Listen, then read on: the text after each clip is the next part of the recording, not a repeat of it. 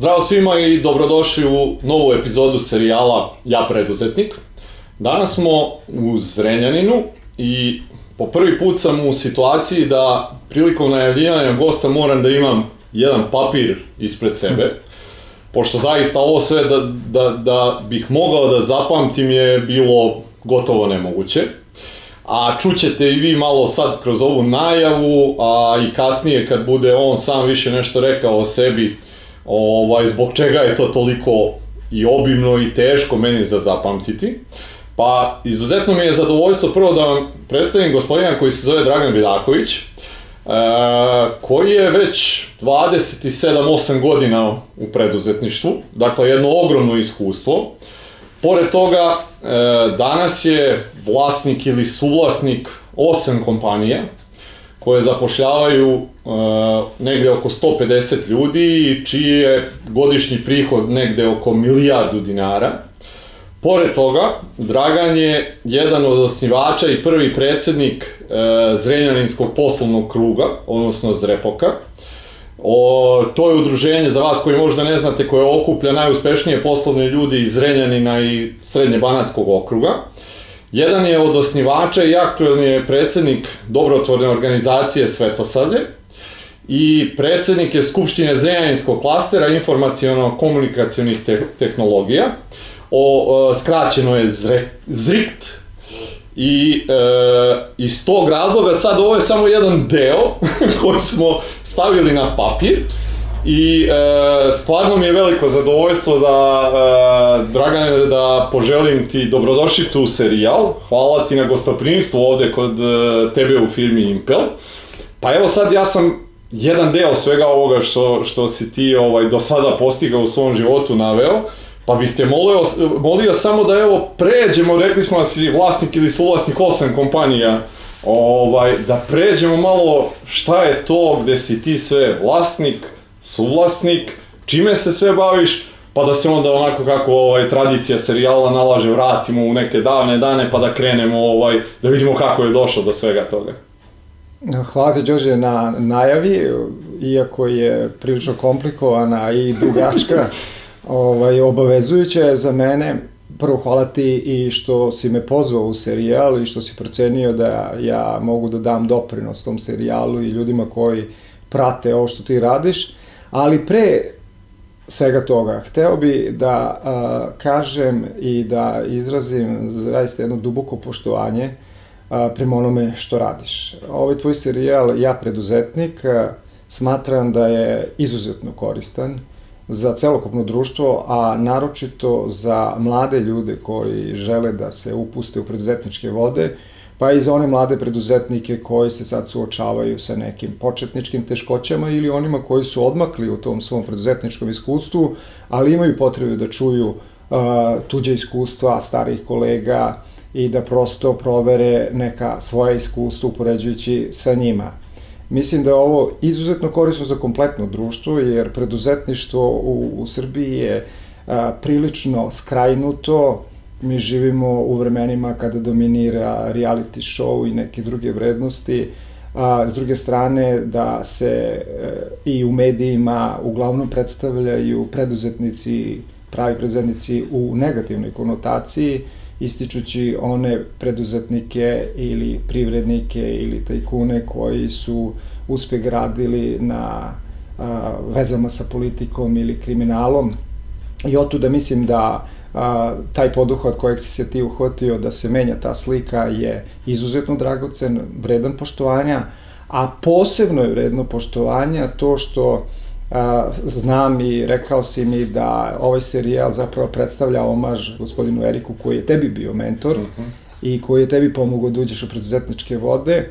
A, mene lično je to dirnulo. Mislim da taj osjećaj zahvalnosti iz kog zbog koje si ti ušao u, u celu ovu priču je a, za svaku pohvalu i a, treba da posluži drugima primer, kao primer, jer zahvalnost je takođe jedna reč koja nedostaje u našem narodu, u našem društvu i mislim da je dobro da je i na ovakav način promovišemo.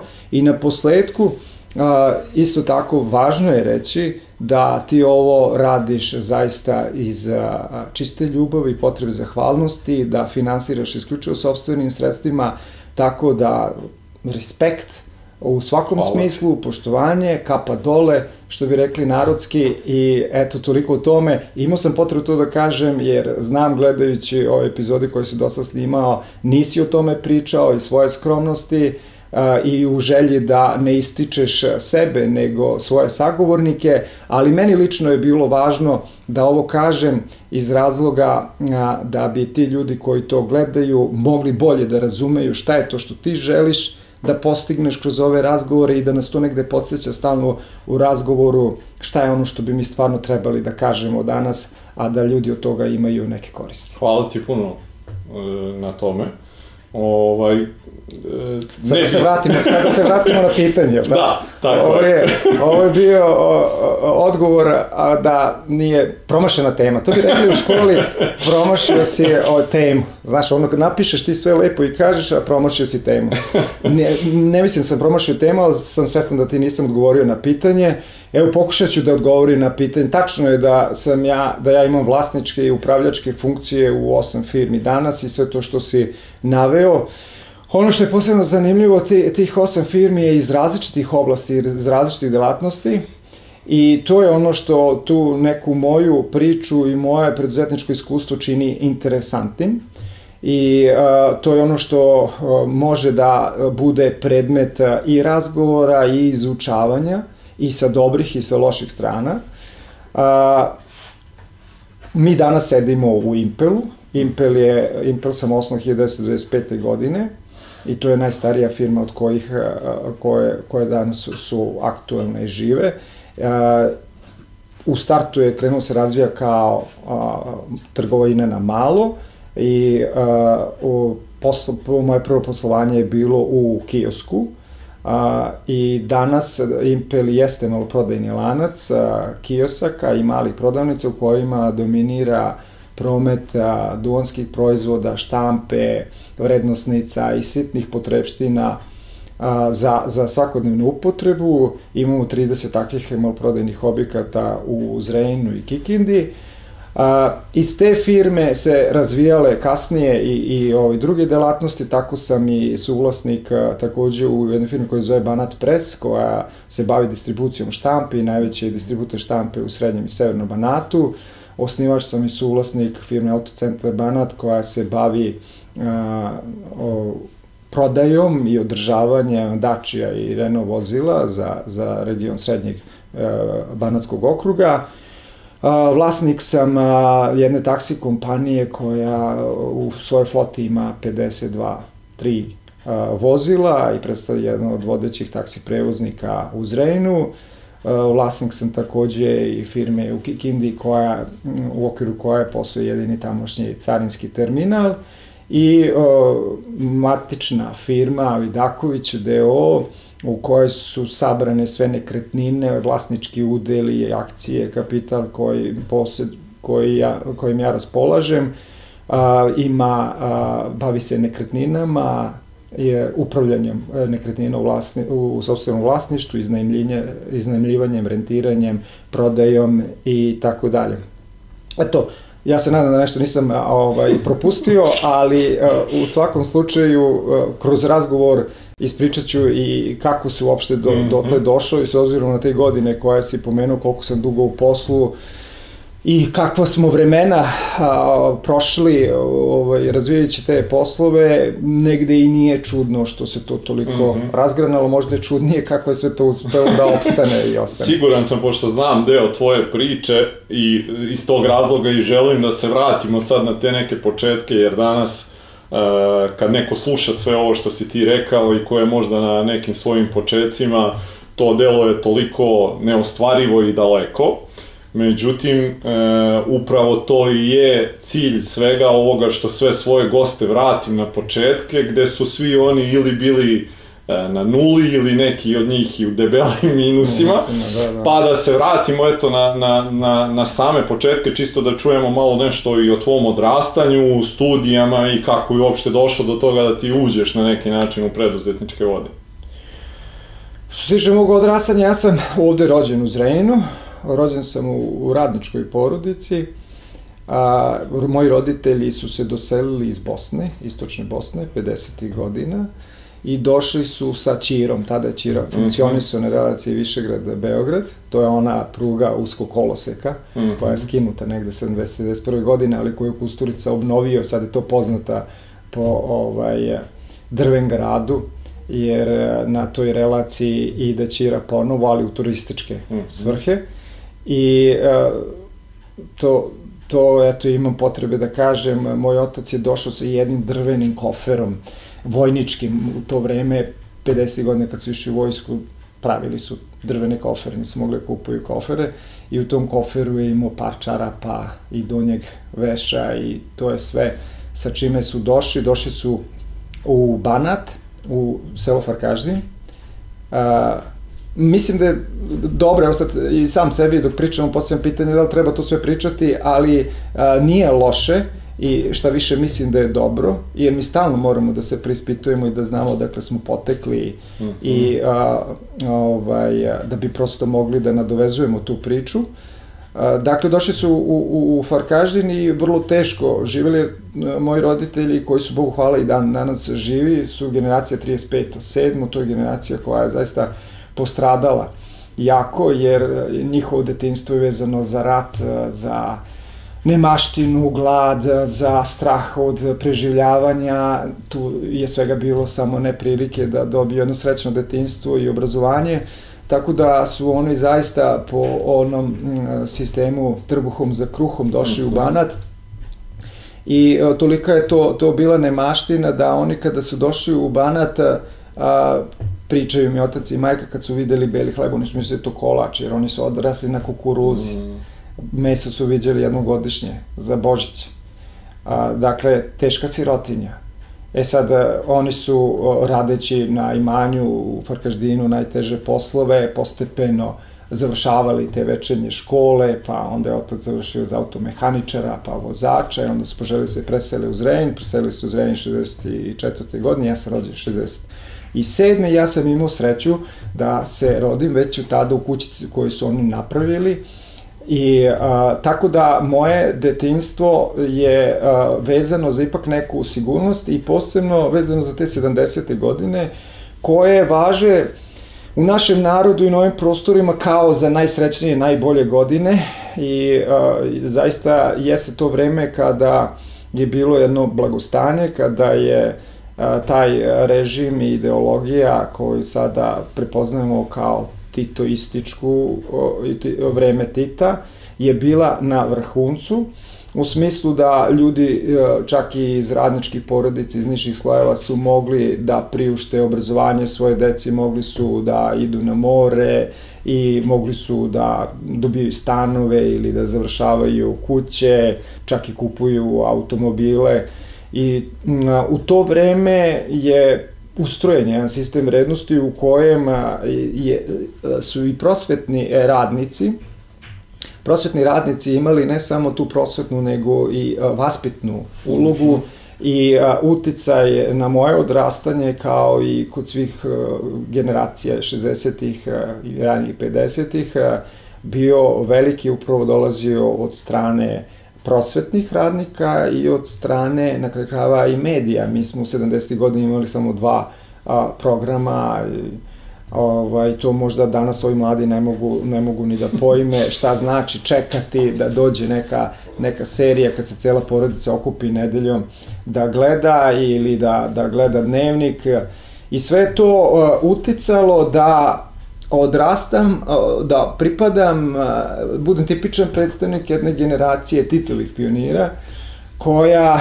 je zaista imala srećno detinstvo, imala prilike da dobije dobro obrazovanje, da udari temelje tom -hmm. obrazovanju, ali koja je s druge strane zaista živela u, u iluzijama.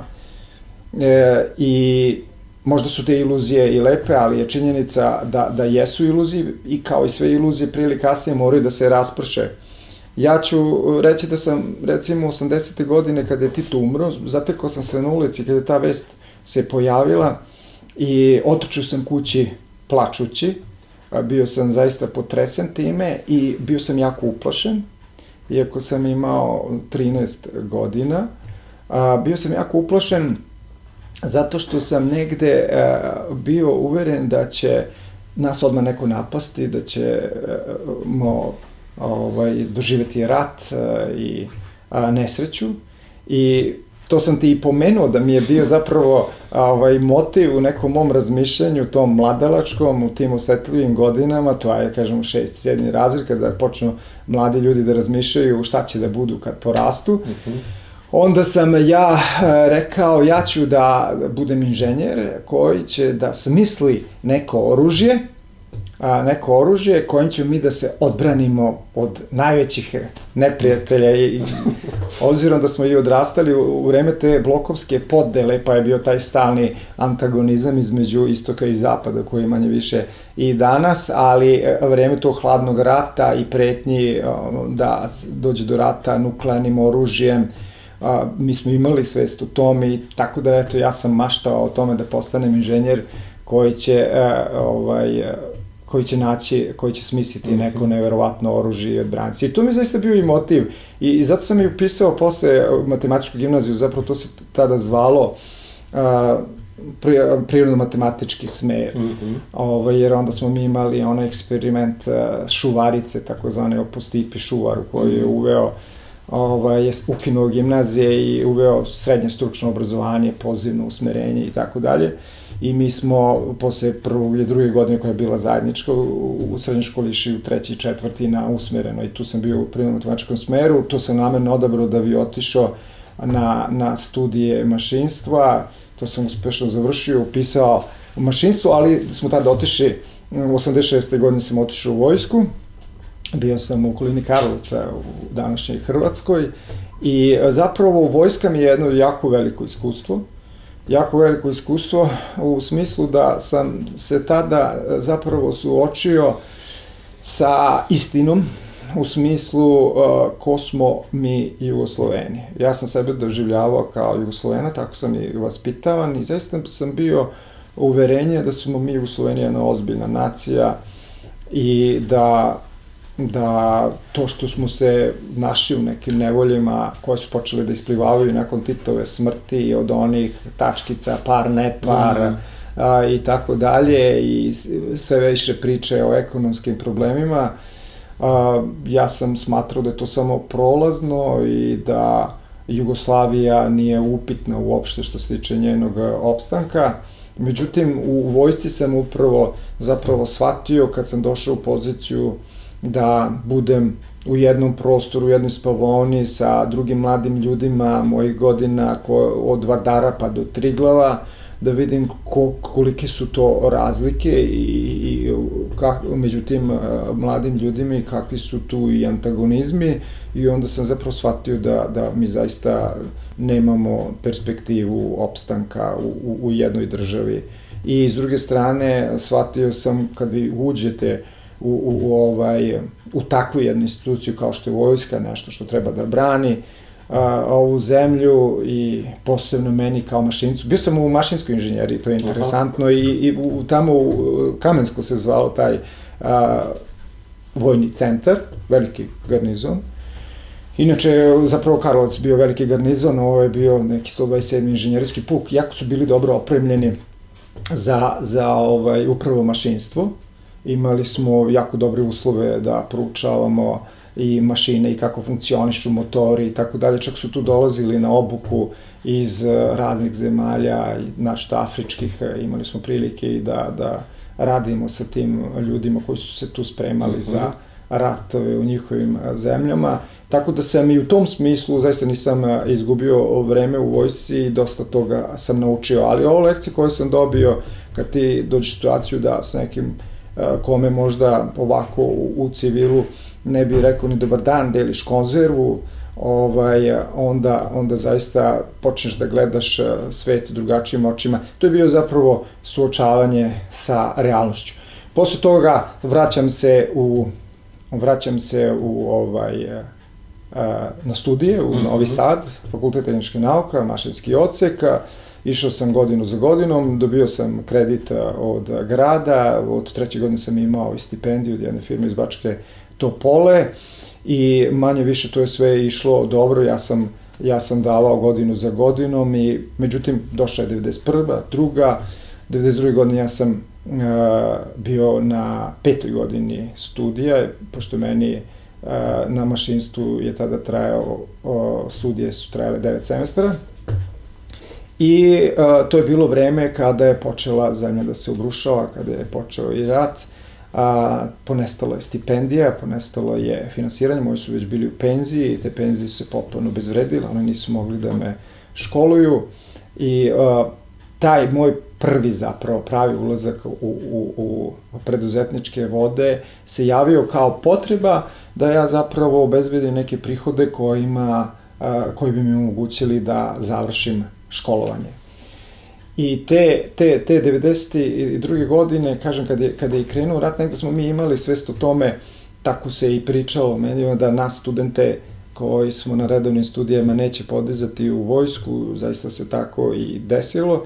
I uh, ovaj, ja sam uh, te godine imao prilike da vidim ovde kod nas u Zrenju, ja moj poznanik je uvezao aparat za kokice iz Amerike.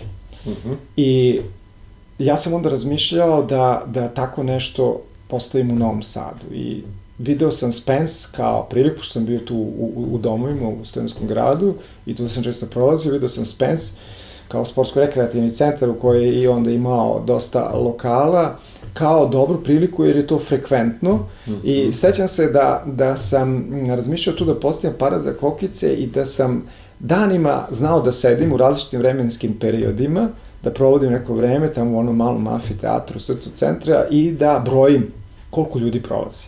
Ne bi li ja otprilike došao do zaključka koja je frekvencija ljudi koji tu da prolaze i mogu da ti kažem da sam dosta dobro to proračunao, da je moj pro, ovaj, na osnovu različitih dana, različiti vremenski mm -hmm. period u toku dana, ja sam došao do, do cifre, tu mora bude jedno desetak hiljada ljudi, da prođe kroz a, srce Spensa i da ako svaki stoti kupi kesu kokica, da to može da bude zanimljivo. Uglavnom, ja sam imao ušteđevinu od nekih 300 maraka, od, od kredita i, i stipendija, i ja sam odlučio da, a, da probam da nabavim, da kupim aparat za kokice.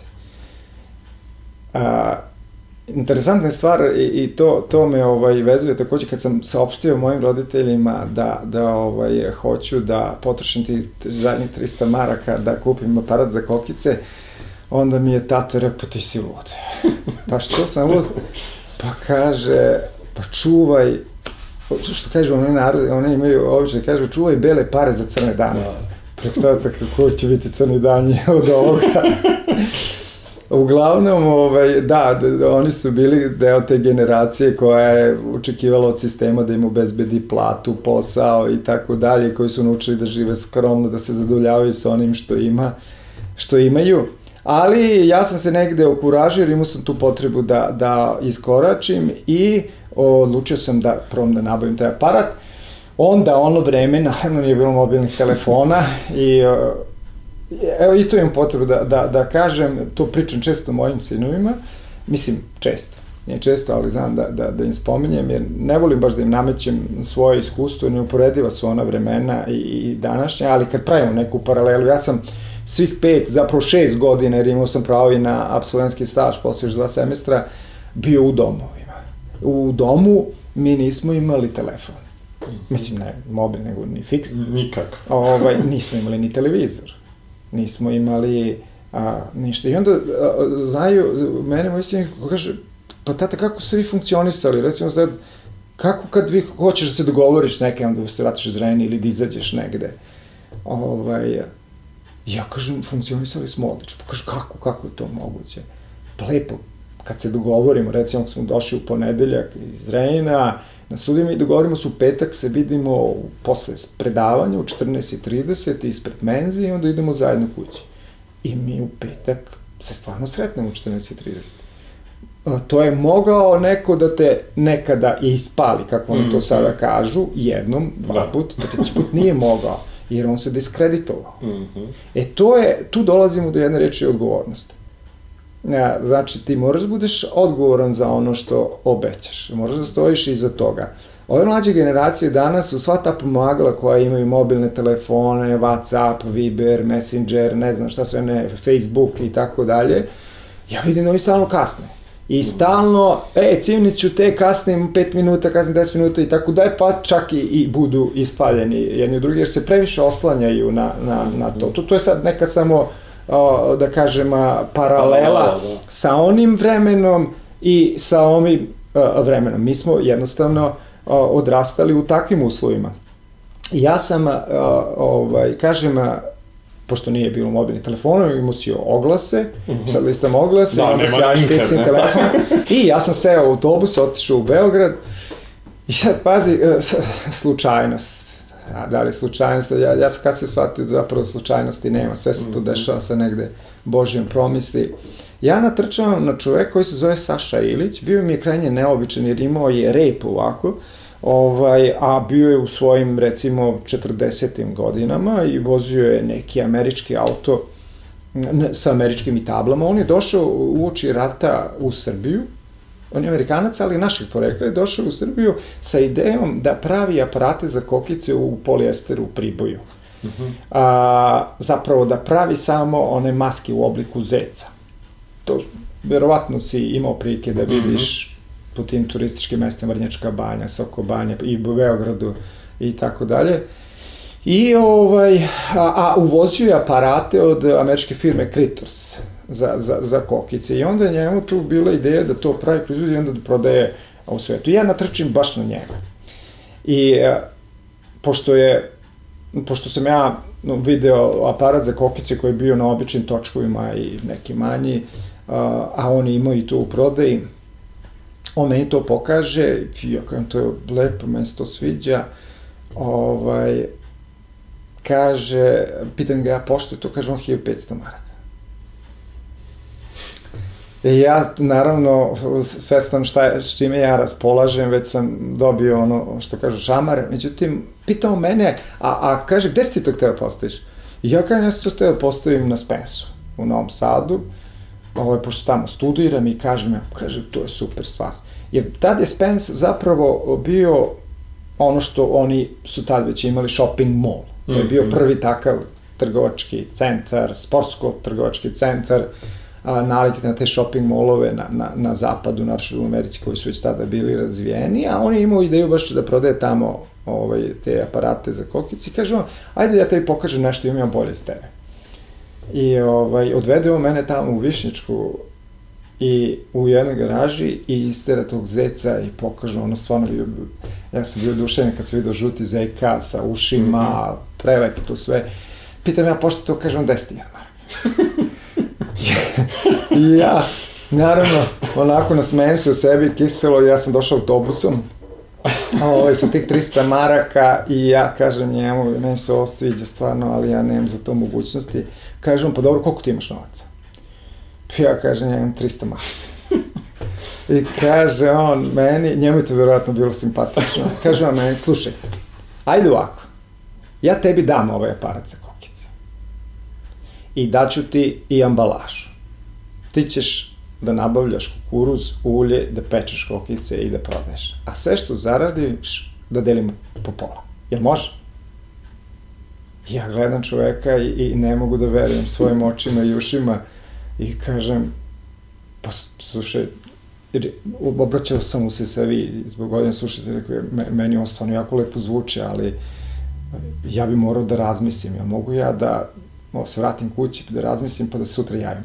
I on meni kaže, možeš i trebaš, tako je, nije odluka ako ne prespava. To je jedna od lekcija koju sam dobio u životu, da treba odluka da prespava, da sazri.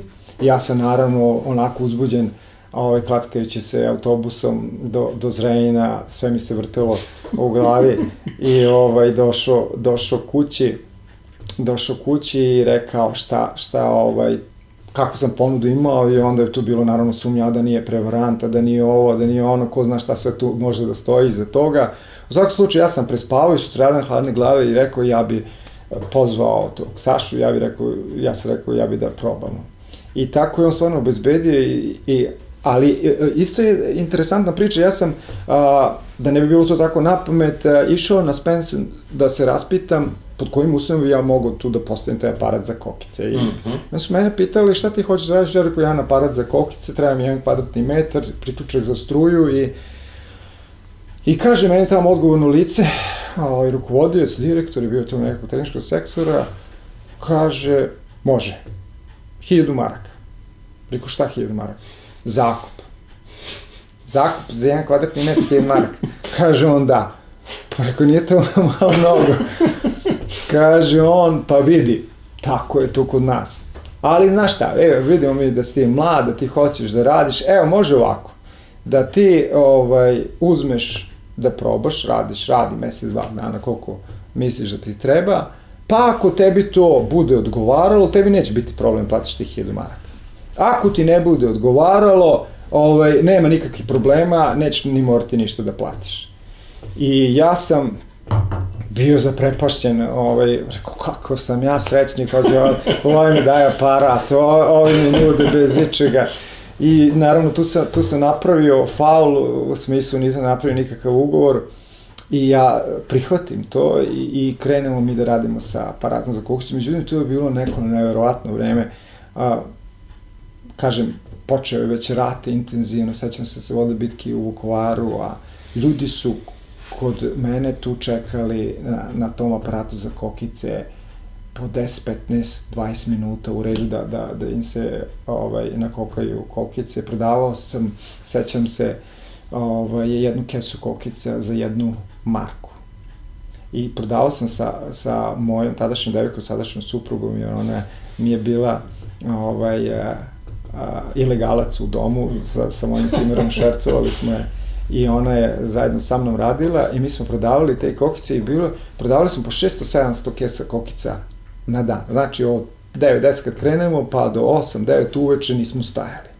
A 600-700 kesa kokica to je 600-700 maraka.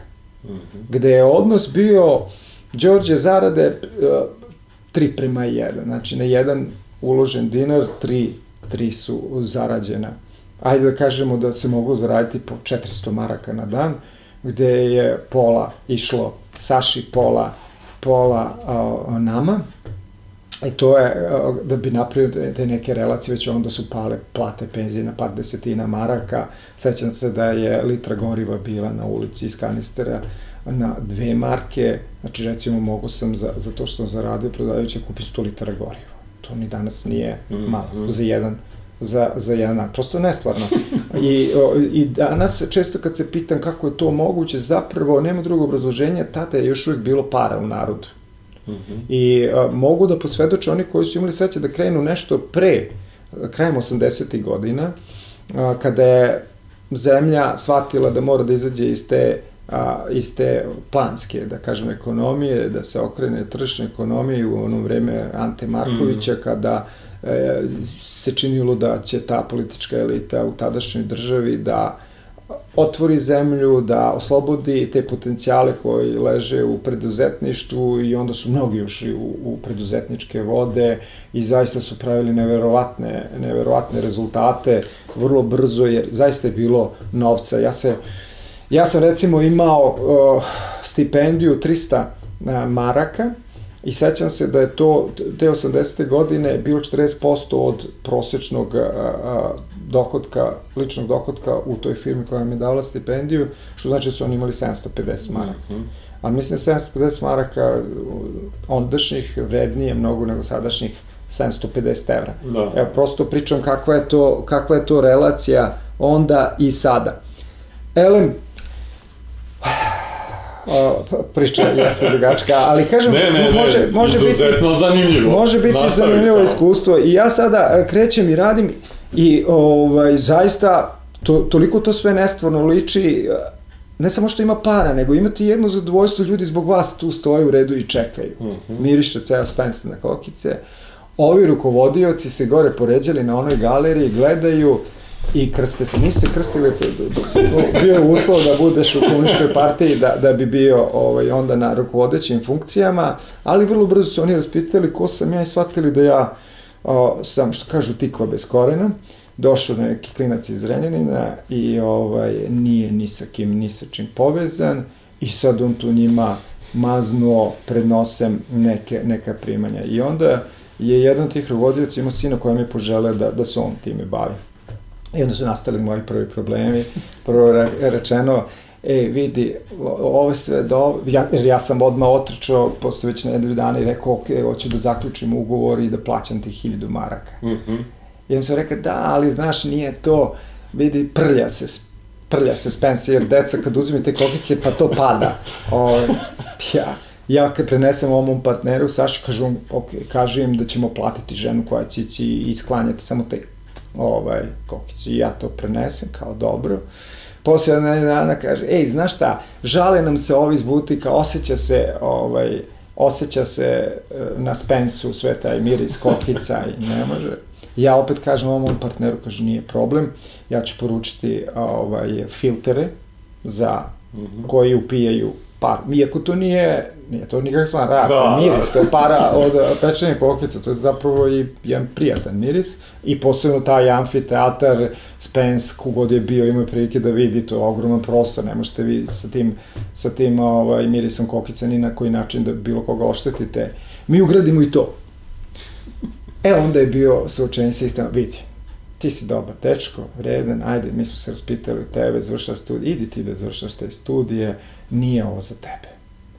Ovaj, to je nekom drugom namenjeno.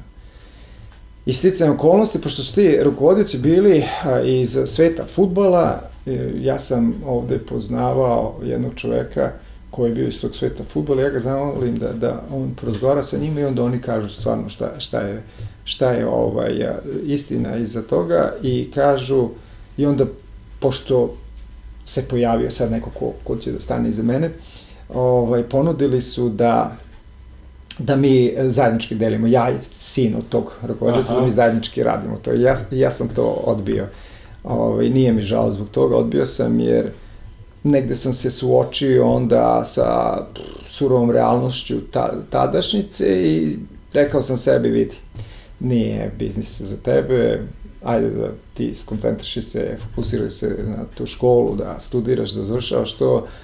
I tako sam ja ovaj, digo ruke od toga, a oni su kupili od Saše ovaj, taj aparat, nastavili da, da rade, mene izbacili iz posla, tako da to neko prvo ozbiljnije ovaj, priča o ovaj, o mom poslu se u tom smislu završila tako kako sam ti rekao, ja sam zaradio tu neke novce, ali sam vrlo brzo izbačen. Međutim, šta se dešava? Krajem te 92. godine vraća se iz Holandije, moj jedan od najboljih drugova tada i kum, a, koji se bio sklonio od rata i pričajući šta se, šta, šta se među vremenu dešavalo, ja mu ispričam za ta, ta, taj moj slučaj on kaže, ajme mi tu radimo u Zrenju. I trebalo mu je vremena da me ubedi, zato što nekak poučen tim lošim iskustvom nisam baš ja, bio voljen da se upuštam ponovo u to, međutim rekao, ajde, više čak i zbog njega. I onda smo i krenuli da, da radimo i ovaj, onda smo jedan aparat, drugi aparat, treći aparat, čak sam u jednom momentu imao i, i, i u, u Kragujevcu aparat za kokice, a, ovaj, ali a, dosta, je to, dosta je to dobro išlo, međutim, naišla je 93 hiperinflacija koja je bukvalno i te pazare od kokice u toku dana a, ovaj, a, pojela i onda je zaista bilo vrlo teško od toga preživati. S druge strane, kad si na ulici prodaješ te kokice, jer to je bilo ulična prodaja, imamo smo potrebu i da, da se sklonimo i tu za, kupljujem zapravo a, prvi kiosk, da bi se sklonio i da bi prodavao ovaj, kokice i slične slične stvari kao što su semenke, suncokret i tako dalje. Inače, e, i ovo je zanimljivo da, da kažem, pošto ovaj, te, te poslove s kokicama, semenkama, limunadom, poslastičarske poslove, pekarske, uglavnom su radili kod nas u to vreme Albanci ili, e, ili eventualno Makedonci, ljudi sa, sa juga ondašnje zemlje. A, pošto sam imao prilike da upoznam neke od njih, neverovatne stvari su mi pričali koliko se zarađivalo na tome. Neki Riki i dan danas drži poslastičanicu ovdje kod nas, pričao mi je da je prodavao po 300 litara limunade ovaj, a, u pauzi između dve predstave u bioskopu i to trećerazrednom bioskopu Zrenje imao neke 7-8 bioskopa ovaj, 300 litara limunade između dve predstave. To su bile neverovatne neverovatne pare, a recimo jedna, jedna limunada bila opet jedna, jedna marka. Znači, stvarno je bilo jako puno para u, u ondašnjoj velikoj Jugoslaviji, tih krajem 80. godina i što god si radio, mogu si da, da ovaj, napreš. To, to samo govori kada ima novce u optici šta sve može se napraviti, mm. mislim u jednoj Americi i tim da, zemljama da, da. koje su, ko, u koje se puno novca vrti, tu je prilika na, na, na svakom koraku. Elem, da se vratim, onda ja zakupljujem prvi kiosk sa kumom koji je izlazi iz tog posla jer je otišao u, u turističku agenciju u drugom pravcu, ja ostajem tu sam i 94. godine kad je prošla ta inflacija i kad je, ovaj, kad je došao deda Avram 24. januara i rekao je sad 1 marka, 1 dinar, den, izvršena denominacija, došlo do stabilizacije, međutim u to vreme su počele te društvene firme iznurene tom inflacijom, opustošene sa zalihama, poremećenih odnosa unutar da, da propadaju i konkretno u Zrenjinu postoje jedan lanac kiosaka, firma društvena koja se zvala Duvan, koja je počela da iznajmljuje, da iznajmljuje te kioske. I ja sam se javio da, i počeo da, da iznajmljujem jedan po jedan a, kiosk i da se tu bavim delatnošću koja je ko, koja je primjerena za kiosk, to je prodaje štampe, duvana i sličnih stvari. I sećam se isto jedne zanimljive situacije, došao sam u tu firmu a, i rano, rano jutro, direktor vole da popije i ovaj nije nije bilo kasnije baš mogućnosti da da ono ovaj pričate potpuno ovaj, normalno i bilo oko 7 sati ujutru i on je sakupio četiri žene i rekao, evo, četiri kilo su ali moram da uzem te četiri žene. Nisam mogu da, da biram. Nisam mogu da biram koga mogu da uzmem. A oni su gledali da nas, nastojali da se reše oni ko, koji pre, predstavljaju najveći problem ili oni koji su pred penzijom pa i treba mm -hmm. rešiti otpremnine ili oni s kojima nisu znali kako da izađu na kraj I, ovaj, i šta da radite, to je takav bio uslov, take it or leave it. Da. Jeli? Uzmi ili ostavi. I ja sam prihvatio, međutim jedna njih je počela da plače. I ona ne želi da ide, ona hoće da ostane. I sad, znaš, ja sam, ja sam mlad u celoj toj priči, vrlo neprijatna situacija, neko ti gura nekoga da, da mora da radi kod tebe, a, a ti, a on to ne želi. Vrlo neprijatno. To je jedna scena koja mi je ostala i pff, ja kažem kada usred plača i uznemirenosti, a, ja kažem, pa znate šta, a, ako ste voljni da odemo na piće, jedno razgovaram, ja kažem što, kako su moje očekivanja i možda to i nije tako strašno, pa i da probam ono što ja mogu da vam garantujem, ako vama to ne bude odgovaralo, da ću vratiti kiosk i vratiti vas u, u, ovaj, u, u firmu odakle ste pošli. Ta što je plakala, konkretno, ona je bila samohrana majka i imali su dosta problema sa njom, odlazila je sa posla kad hoće, imala je neki revolt, naplaćivala skuplje, ovaj, prodavala opa maramice nego što jesu i tako dalje. Ovaj, tako da nije bila na dobrom glasu što, što se tiče a, a, radnika, ali a, kad sam ja ispričao, prihvatila je da, da promo i počela da radi u jednom od ta četiri kioska, ja sam vrlo brzo uh, shvatio da on je izuzetno dobar radnik. Pedantna, uredna, savesna, čista i uh, kako sam ja počeo da širim tu kiosku mrežu, ja sam njoj povećavao odgovornost pa da bude kontrolor, pa je kasnije postala i šef malo prodaje i ona dan danas radi kod mene. A 94. godine je počela, počela ovaj, da radi. Zašto sam ovo ispričao? Mislim da je vrlo poučno. Zato što vi zapravo vidite, i to je ona priča kada, kad slušamo ove naše ljude koji su ovde nezadovoljni i bivaju loši radnici i kad odu u, u tu Nemačku ili ovaj, na neke druge ove zemlje gde su gde postoji neki sistem uređeni, gde su jasna očekivanja poslodavaca prema zaposlenim i njima je jasno šta oni mogu da očekuju, da se ponašaju sasvim drugačije i da bivaju vrlo dobri, šta više odlični radnici. I tu dolazi do one, do one krilatice, kaže, e, ovaj, po dobrim generalom nema loših mm. vojnika. Jel tako? Mada, sad ovo ja imputiram sad kao ja sam dobar general, ali zaista, zaista ovaj, jeste moje neko iskustvo, imao sam prilike i da, da vidimo od drugih ljudi koji su bili i jesu uspešni u poslu, da su zapravo od ljudi koji su u proseku ili ispod proseka pravili nadprosečne rezultate. To je jedna veština i jedno umeće koje preduzetnici moraju da imaju, a ono se opet vezuje za psihologiju i ja, znači što tu primenjam psihologiju i zato je jako važno da ljudi konstantno rade. Meni je to, na primer, jako puno pomagalo, jer sam uvijek voleo da, da čitam. Uh mhm. -huh. I evo, mogu da kažem da da u, u te neke prve četiri godine osnovne škole a, jako se volio da čitam bajke. Ja, ja mislim sve bajke koje su postojale u, u, u ovaj, biblioteci školskoj sam iščitao, gutao sam to, neverovatno. I sad shvatam koliko god to možda bilo smešno, zapravo to bilo jako dobro, jer u bajkama imate ono što, što bajke nose i uh, imate uvijek dobar happy end u smislu mm -hmm. da dobro pobedi zlo, ali imate i, i dobru pouku. Imate jednu dobru pouku koju nosite i imate takođe nešto što se zove a, a, učušćivanje to, te vere da će se dobro završiti, da će mm -hmm. dobro pobediti loše. Taj pozitivan ugao gledanja na, na budućnost i iščekivanje dobrog rezultata mi je kasnije pomagalo puno životu. Na studijama, recimo, iako sam studirao tehničke nauke, što možda i nije baš ovaj, svojstveno studentima tehničke nauka, voleo sam da čitam i to raznu literaturu. I to je takođe jedna poruka za, za ove ljude mlade koji gledaju.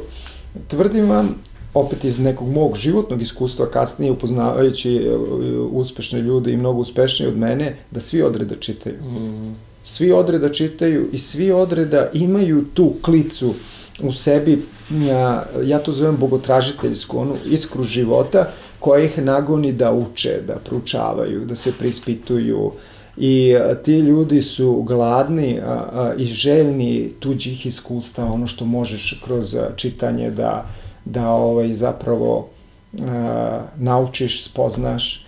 Zašto je vredno čitanje? Zato što ti a, prolazeći kroz te priče nekih drugih ljudi zapravo suočaš se sa nekim njihovim iskustvima, pogledima, razmišljanjima i neminovno ti to upoređuješ sa tvojim životnim iskustvom, mm -hmm. svojim stavovima i onda se ono što je valjano u tebi još više učvršćuje, ono što je diskutabilno to se preispituje i onda, onda se javlja potreba i da se koriguješ. Mm -hmm. Tako da je čitanje veoma, veoma važno.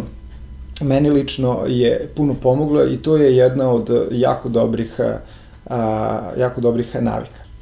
Ja da se vratim sad na, na opet mm -hmm. ovo vezano za to kako su počeli se šireti e, maloprodajni objekti i kada sam došao u situaciju da, da imam nekih 6-7 e, kiosaka, e, pošto je takvo vreme bilo da bi obezbedio bolje uslove za, za nabavku robe, a i recimo nisi mogao ni da zaključiš ugovor sa fabrikom duvana Niš ili nekim drugim ovaj, firmama ugovora da nisi registrovan kao privatno preduzeće, ja sam pokrenuo pokrenuo tu transformaciju iz preduzetničke samostalne trgovačke radnje u privatno tada preduzeće.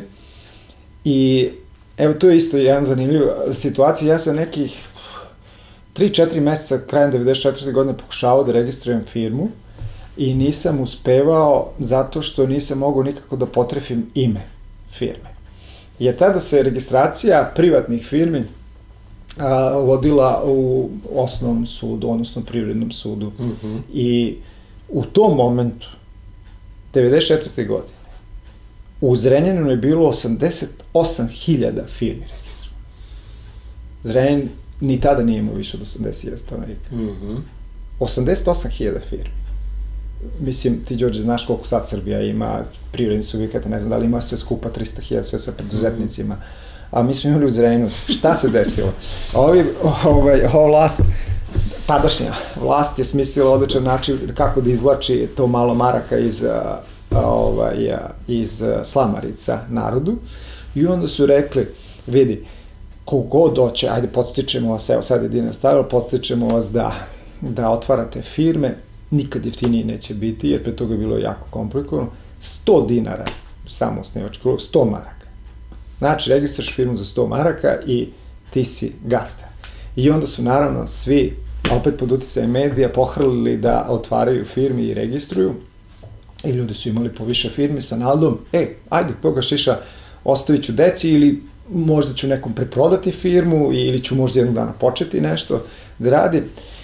U svakom slučaju tu se onda javio banalan problem kako registrovati firmu.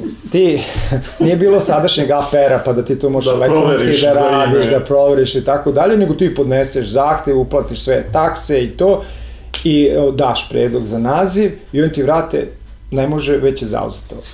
Probao jedno ime. Znači, kad sam došao do uh, naziva, taj mi se jako dopao Vidra. Vidra. Jer ja sam Vidako iz Dragan, pa Vidra, skraćenica, ali zapravo asocijacija za životinju Vidru koja je snalažljiva, Snalažljiva, da. preduzimljiva, nešto što, što liči na preduzetništvo, to, je- to je prava priča. Kaže, ne može zauzeti. I onda sam ja za 200 grama kafe i jednu flašu vinjaka, a oni službenici rekao, aj molim te, recite mi, ovaj, čija je to firma? I oni, i, ovaj, i oni mene uplate. I ja onda tu neki kod nas a, bio tada poznat preduzetnik Bo, a, Joca Bošoš, pogrebnu opremu Bošoš. I ovaj, on sa njegovom suprugom. Nikad neću za, za, zaboraviti tu scenu, ja dolazim kod njih u tu pogrebnu radnju, kovčezi, venci, ta slika mi danas, on sedi tu, dobar dan, Duran, ja sam taj, taj, ja se izvinjam, imate vi ovaj, neku firmu, ko živim ja više firmu koja ti treba, pa reko, o, treba mi firma Vidra. U, kaže, znam, ja imam zebru, kobru, ali kaže, Vidru, moram pitam Vesnu, da li ona ima. Vesna, imaš ti, imaš ti ovaj, a, o, firmu Vidra? Kaže, imam, što? Pa kaže, evo čovjek dođe, došao i interesuje se. I on kaže, dođe, dođe, jer, ovaj, izvolite šta vam treba. Pa rekao, znate šta, ja sam teo da vas pitam da li ste vi meni prodali tu firmu. I rekao, ja bi da počnem ovaj, biznis i treba mi taj naziv. Koju kao firmu? Pa rekao, Vidra. O, ne mogu, tam je prirasla za srce, kaže, tu ne mogu nikad. Ja ka... Da si zebru ili Da. klovru tražio, Ja pa ajde. reka- znači šta, ja, ja znam da ta firma koštala 100 maraka, ja, ja sam spreman da dam 300 maraka da, da ovaj, vi meni to prodate. Kaže, ne, ne, ne mogu to, ta mi je, da si me bilo koji pita drugo. I ovaj, mi, uh, i tu se, tu se neslavno završi, ja zaista nisam uspeo da kupim to što sam želeo. I onda sam došao kući, otvorio rečnik od vićeše iz nemoglosti kako da registrujem firmu. Mislim, evo malo i da se nasmejemo, ali uh, vidi, uh, uh, dobro je opet toga se podsjetiti. Zašto? Zato što uh, danas uh, kada ti to registraciju firme obaviš za 5 minuta, Da, malte da. ne, elektronski iz kancelarije, pridimo to, mislim, to je nama. Uzmeš zdravo za gotovo, da. Sad pričamo o vremenima u koje smo mi nastali, šta se dešava, kakav si imao problem. I ja dođem i re, rečnik, hajde sad nešto, ne, moram tražiti neku stranu reč. Neku stranu reč da, jer, znaš, misli, a nemaš ti evidenciju koja sve imena Da, postoje, da pa da, da, da bez možeš da toga. proveriš. I onda sam ja došao do reči impel. Impel. Impel, i vidim ja, nisam ni znao šta znači, u prevodu kaže gurati napred, ići dalje. To je fraza na engleskom jeziku Mhm. Vrlo redka fraza, ja sam učio engleski u osnovnoj školi, u srednjoj i na fakultetu, nikad nisam čuo za, za tu reč i za tu frazu, ni ono filmu što sam gledao, nisam imao prilike da, da čujem. I ja ovaj, kažem, rekao, a, ok, i dobro zvuči, ići napred, gurati dalje, to, to mi je onako u skladu sa mojom prirodom i onako motivirajuće, i ja kažem, impel, i prođe. I tako se registra, i sad pazi šta se dešava.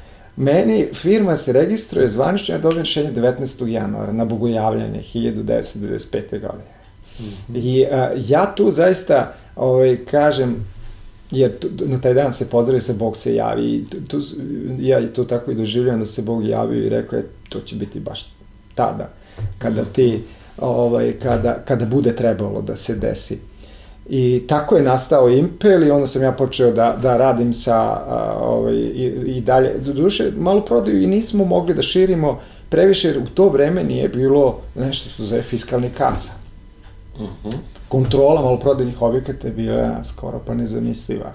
Jako je teško bilo voditi nego smo vršili financijska zaduživanja, razduživanje, prostor za, za manipulaciju i od strane zaposlenih i o, da, nemogućnost da kontrolišeš posao je bilo velike. Onda sam, onda bio više fokus na veleprodaju, počeo sam da širim veleprodaju robe za kioska, za kioske.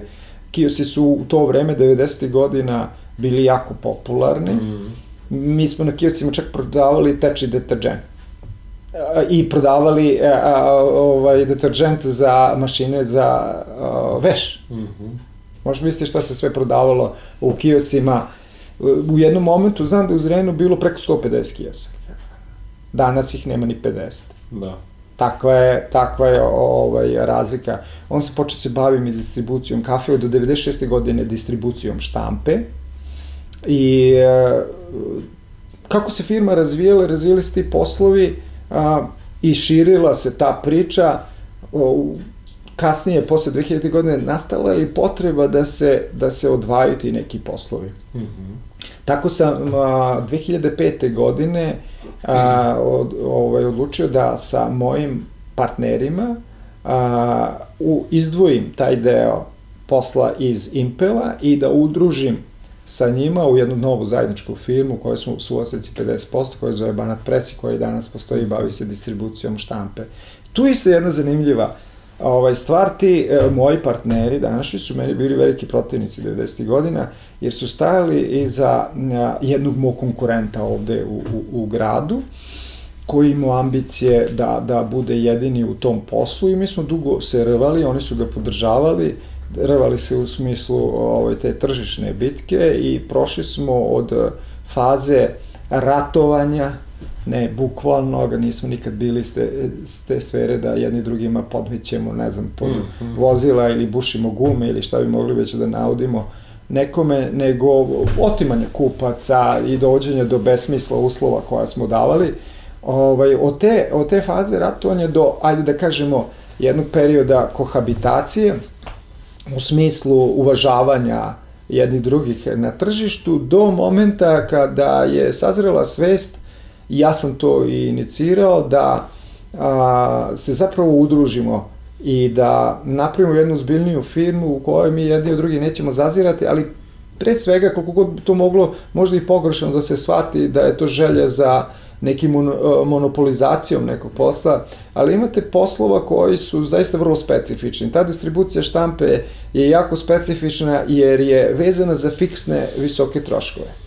Krajnje je besmisleno da recimo na 35 km od Zrenjina u neki sečan koji ima 2-3 prodajna mesta i prodaje 100 nekih dnevnih novina, trčimo mi, trče i oni, pa se onda još utrkujemo ko će pre da stigne, ko će veći raba da da i ko će da. dužu valutu plaćanja da je. To je potpuno, potpuno ovaj, nesuvislo i tu je nastala zapravo potreba da mi jačamo našu tržišnu poziciju, da bi mogli da smanjujemo naše troškove, da bi mogli da, da ovaj, dočekamo izazove vremena i konkurencije veće koju smo očekivali u vidu tih stranih kompanija i e, to, to se pokazao kao jako dobar model, znači lokalni partner da se bavi lokalnom distribucijom, a, partner koji je na a, većoj poziciji u smislu bliže e, i posluje u velikim centrima gde su veliki volumeni tiraži, da preuzme odgovornost za ugovaranje sa izdavačima i tako dalje, da kažem da napravimo jednu podelu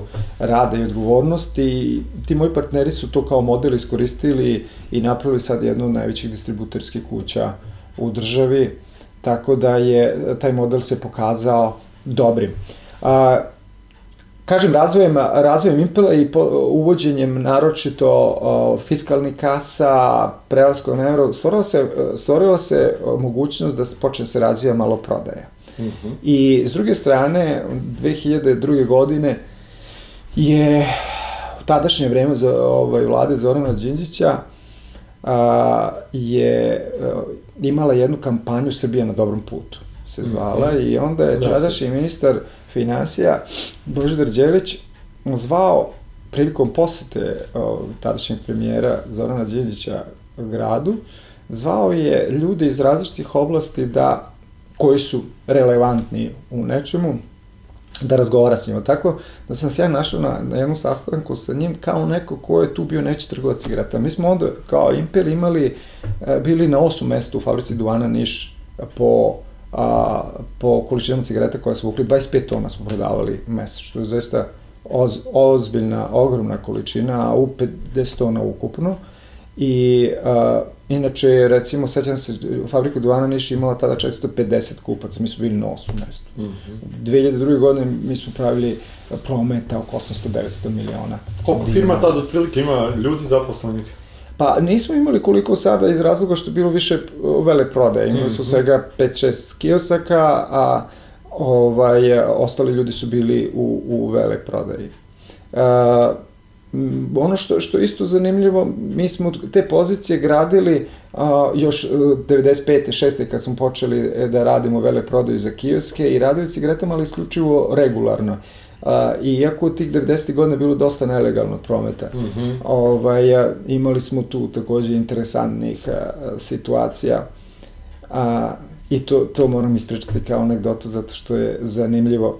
A, Postavlja se pitanje kako možeš uopšte živjeti od legalnog prometu cigareta. Moglo se zato što je malo firme bilo koji su spremni bili da, da rade legalno, zato što je tu bila mala zarada, ali svi oni koji su a, imali potrebe da prave ulaze, Mm -hmm. a, ono, naše, kupim legalno desboxe, a pa onda ubacujem ovaj, koliko, koliko mi treba.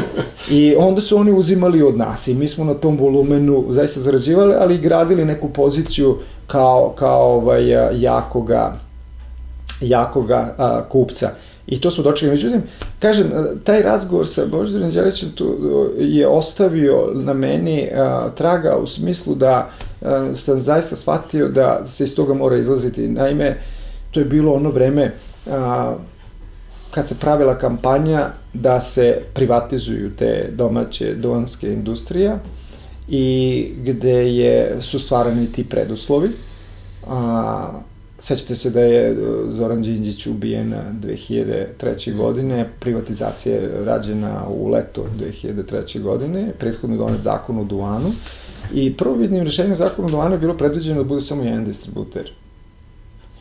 Jedan distributer i da ta, da ta ovaj, e, da se ta licenca naravno skupo plaća, to je sve bilo na zahtev tih e, stranih multinacionalnih kompanija koji su imali interese na takav način da stave pod kontrolu potpuno tržište i ovaj i on se ja shvatio da, da će to jako teško biti. Mi smo se protiv toga bunili kao firme i kompanije, žalili se poput Kalimera, to je nepravda, to da. nije u redu, tu će ostati puno ljudi bez posla, pa ste imate 450 kompanije koje se bave time, I onda se seća da, da, da je Božar Đelić rekao, vidi, a, možda je to i nepravda, možda to i nije ovaj, dobro, ali to mora. I to će biti pre ili kasnije. Moj savjet je da se blagovremeno preorijentiš. I tu sam ja negde shvatio da zaista, da zaista ovaj, treba uvažiti a, realnost, a, negde a, negde sam se prisetio i one molitve vladike Nikolaja Velimirovića ili bar se vezuje za njega, kaže Bože, daj mi hrabrosti da prihvatim ono što ne mogu da promenim, snage da promenim ono što mogu i mudrosti da razlikujem to dvoje. Često, to je jako dobro molitve i jako dobro prisjećate se toga, zato što neretko mi se nalazim u toj situaciji, a posebno u tim turbulentnim vremenima kad se stalno nešto menjalo, uh, Ovaj, stalno sam morao da postavljam sebi pitanje da li mi treba hrabrosti ili snage i, i mudrosti da, da, da razlikujem. Zaista ne vredi, ne vredi ovaj, menjati ceo svet i, i sistem i obično i kad dobiješ tu vrstu napada da bih želeo da, da, da menjaš svet oko sebe, ovaj, mislim da je to pravi znak da trebaš da menjaš sebe. Dobra lekcija. Mhm. Znači, kad god imate potrebu da menjate druge, Bog vam se javio i rekao treba da se bavite sobom. I uh, ja sam to premostio tako što sam uh, u, uh, taj deo firme iz uh, veleprodaj izdvojio sa tadašnjim Mega Tabakom i nastavio sam da se bavim uh, veleprodajom do neke 2005. godine, ali kao podružnica te firme.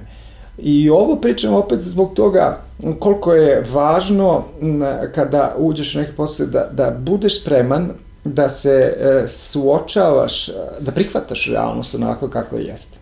To je jedna od bitnih svojstava preduzetnika. Osjećaj za realnost. Mm -hmm. I, I iz tog osjećaja za realnost ide i ono što recimo meni lično u mojem sistemu vrednosti jako puno znači, a to je integritet. Integritet je kada vi živite u istini u vezi sa sobom i sa drugima. To je integritet uh, i uh, to, ta, taj osjećaj, a to je ono kad su vam usaglašene vaše misli, osjećanja i, i, i reči i dela. To je meni jako bitno. I tu sad vraćam na ono što mi je otac uvek govorio, a govorio sine, nemoj ništa da radiš, bo čega će želudac da te boli. Ja sam još iz studijskih dana, pošto sam zeznuo taj želudac, jer smo po onim menzama, tad se slabo prali ti tanjiri, pa onda ostajali oni tragovi deterđenata i onda sam ovaj, isprao želudac, pa sam imao ozbiljni problema ovaj, sa time i, i osjećao sam da mi je to najslabija tačka i ne samo zbog tog deterđenta i tog što smo mi jeli, nego i kad si pod stresom, mm -hmm. kada si u neosaglašen sa sobom ili kada imaš poremećene odnose sa svojim okruženjem, meni želudac se stegne. Nije to samo kod mene slučaj, to je kod mnogih, jer to je negde i, i, i ovaj centralni ovaj, organ koji ne samo da služi za varenje, nego ima, ajde da kažem, na neki način predstavlja i mozak i srce istovremeno celog organizma i vrlo je važno mi da, da, da mi je želudac miran. I on mi je sad mera. Ako mi se želudac stegne, nešto nije dobro. Mm -hmm. Nešto nije dobro i želudac mi se pomaže kod donošenja odluka. Opet jedna zanimljiva stvar za, za tvoje ovaj, gledaoce. Me, ja vrlo često vidio se da prekidam pa ovako ovaj, a, pričam zato što negde dok mi ovako razgovaramo, a više se zapravo ja ispovedam i pričam tu neku svoju priču, a, moram stalno imati na umu šta je to što bi moglo da bude tvojim gledaocima interesantno. Recimo, vrlo interesantno kako ljudi donose odluke. Ja sam imao prilike, jer svi se mi negde nalazimo, stalno suočavamo se sa, sa nekim izazovima, izborima, i donosimo uh, odluke ili pravimo te izbore i uh, od tih naših odluka mnogo zavisi u kom pravcu ćemo nastaviti da se razvijamo. Mm. I onda sam ja poručavajući druge ljude shvatio da neki donose isključivo racionalno. Znači, saberu se, oduzmu mm. se i onda kažu to je to.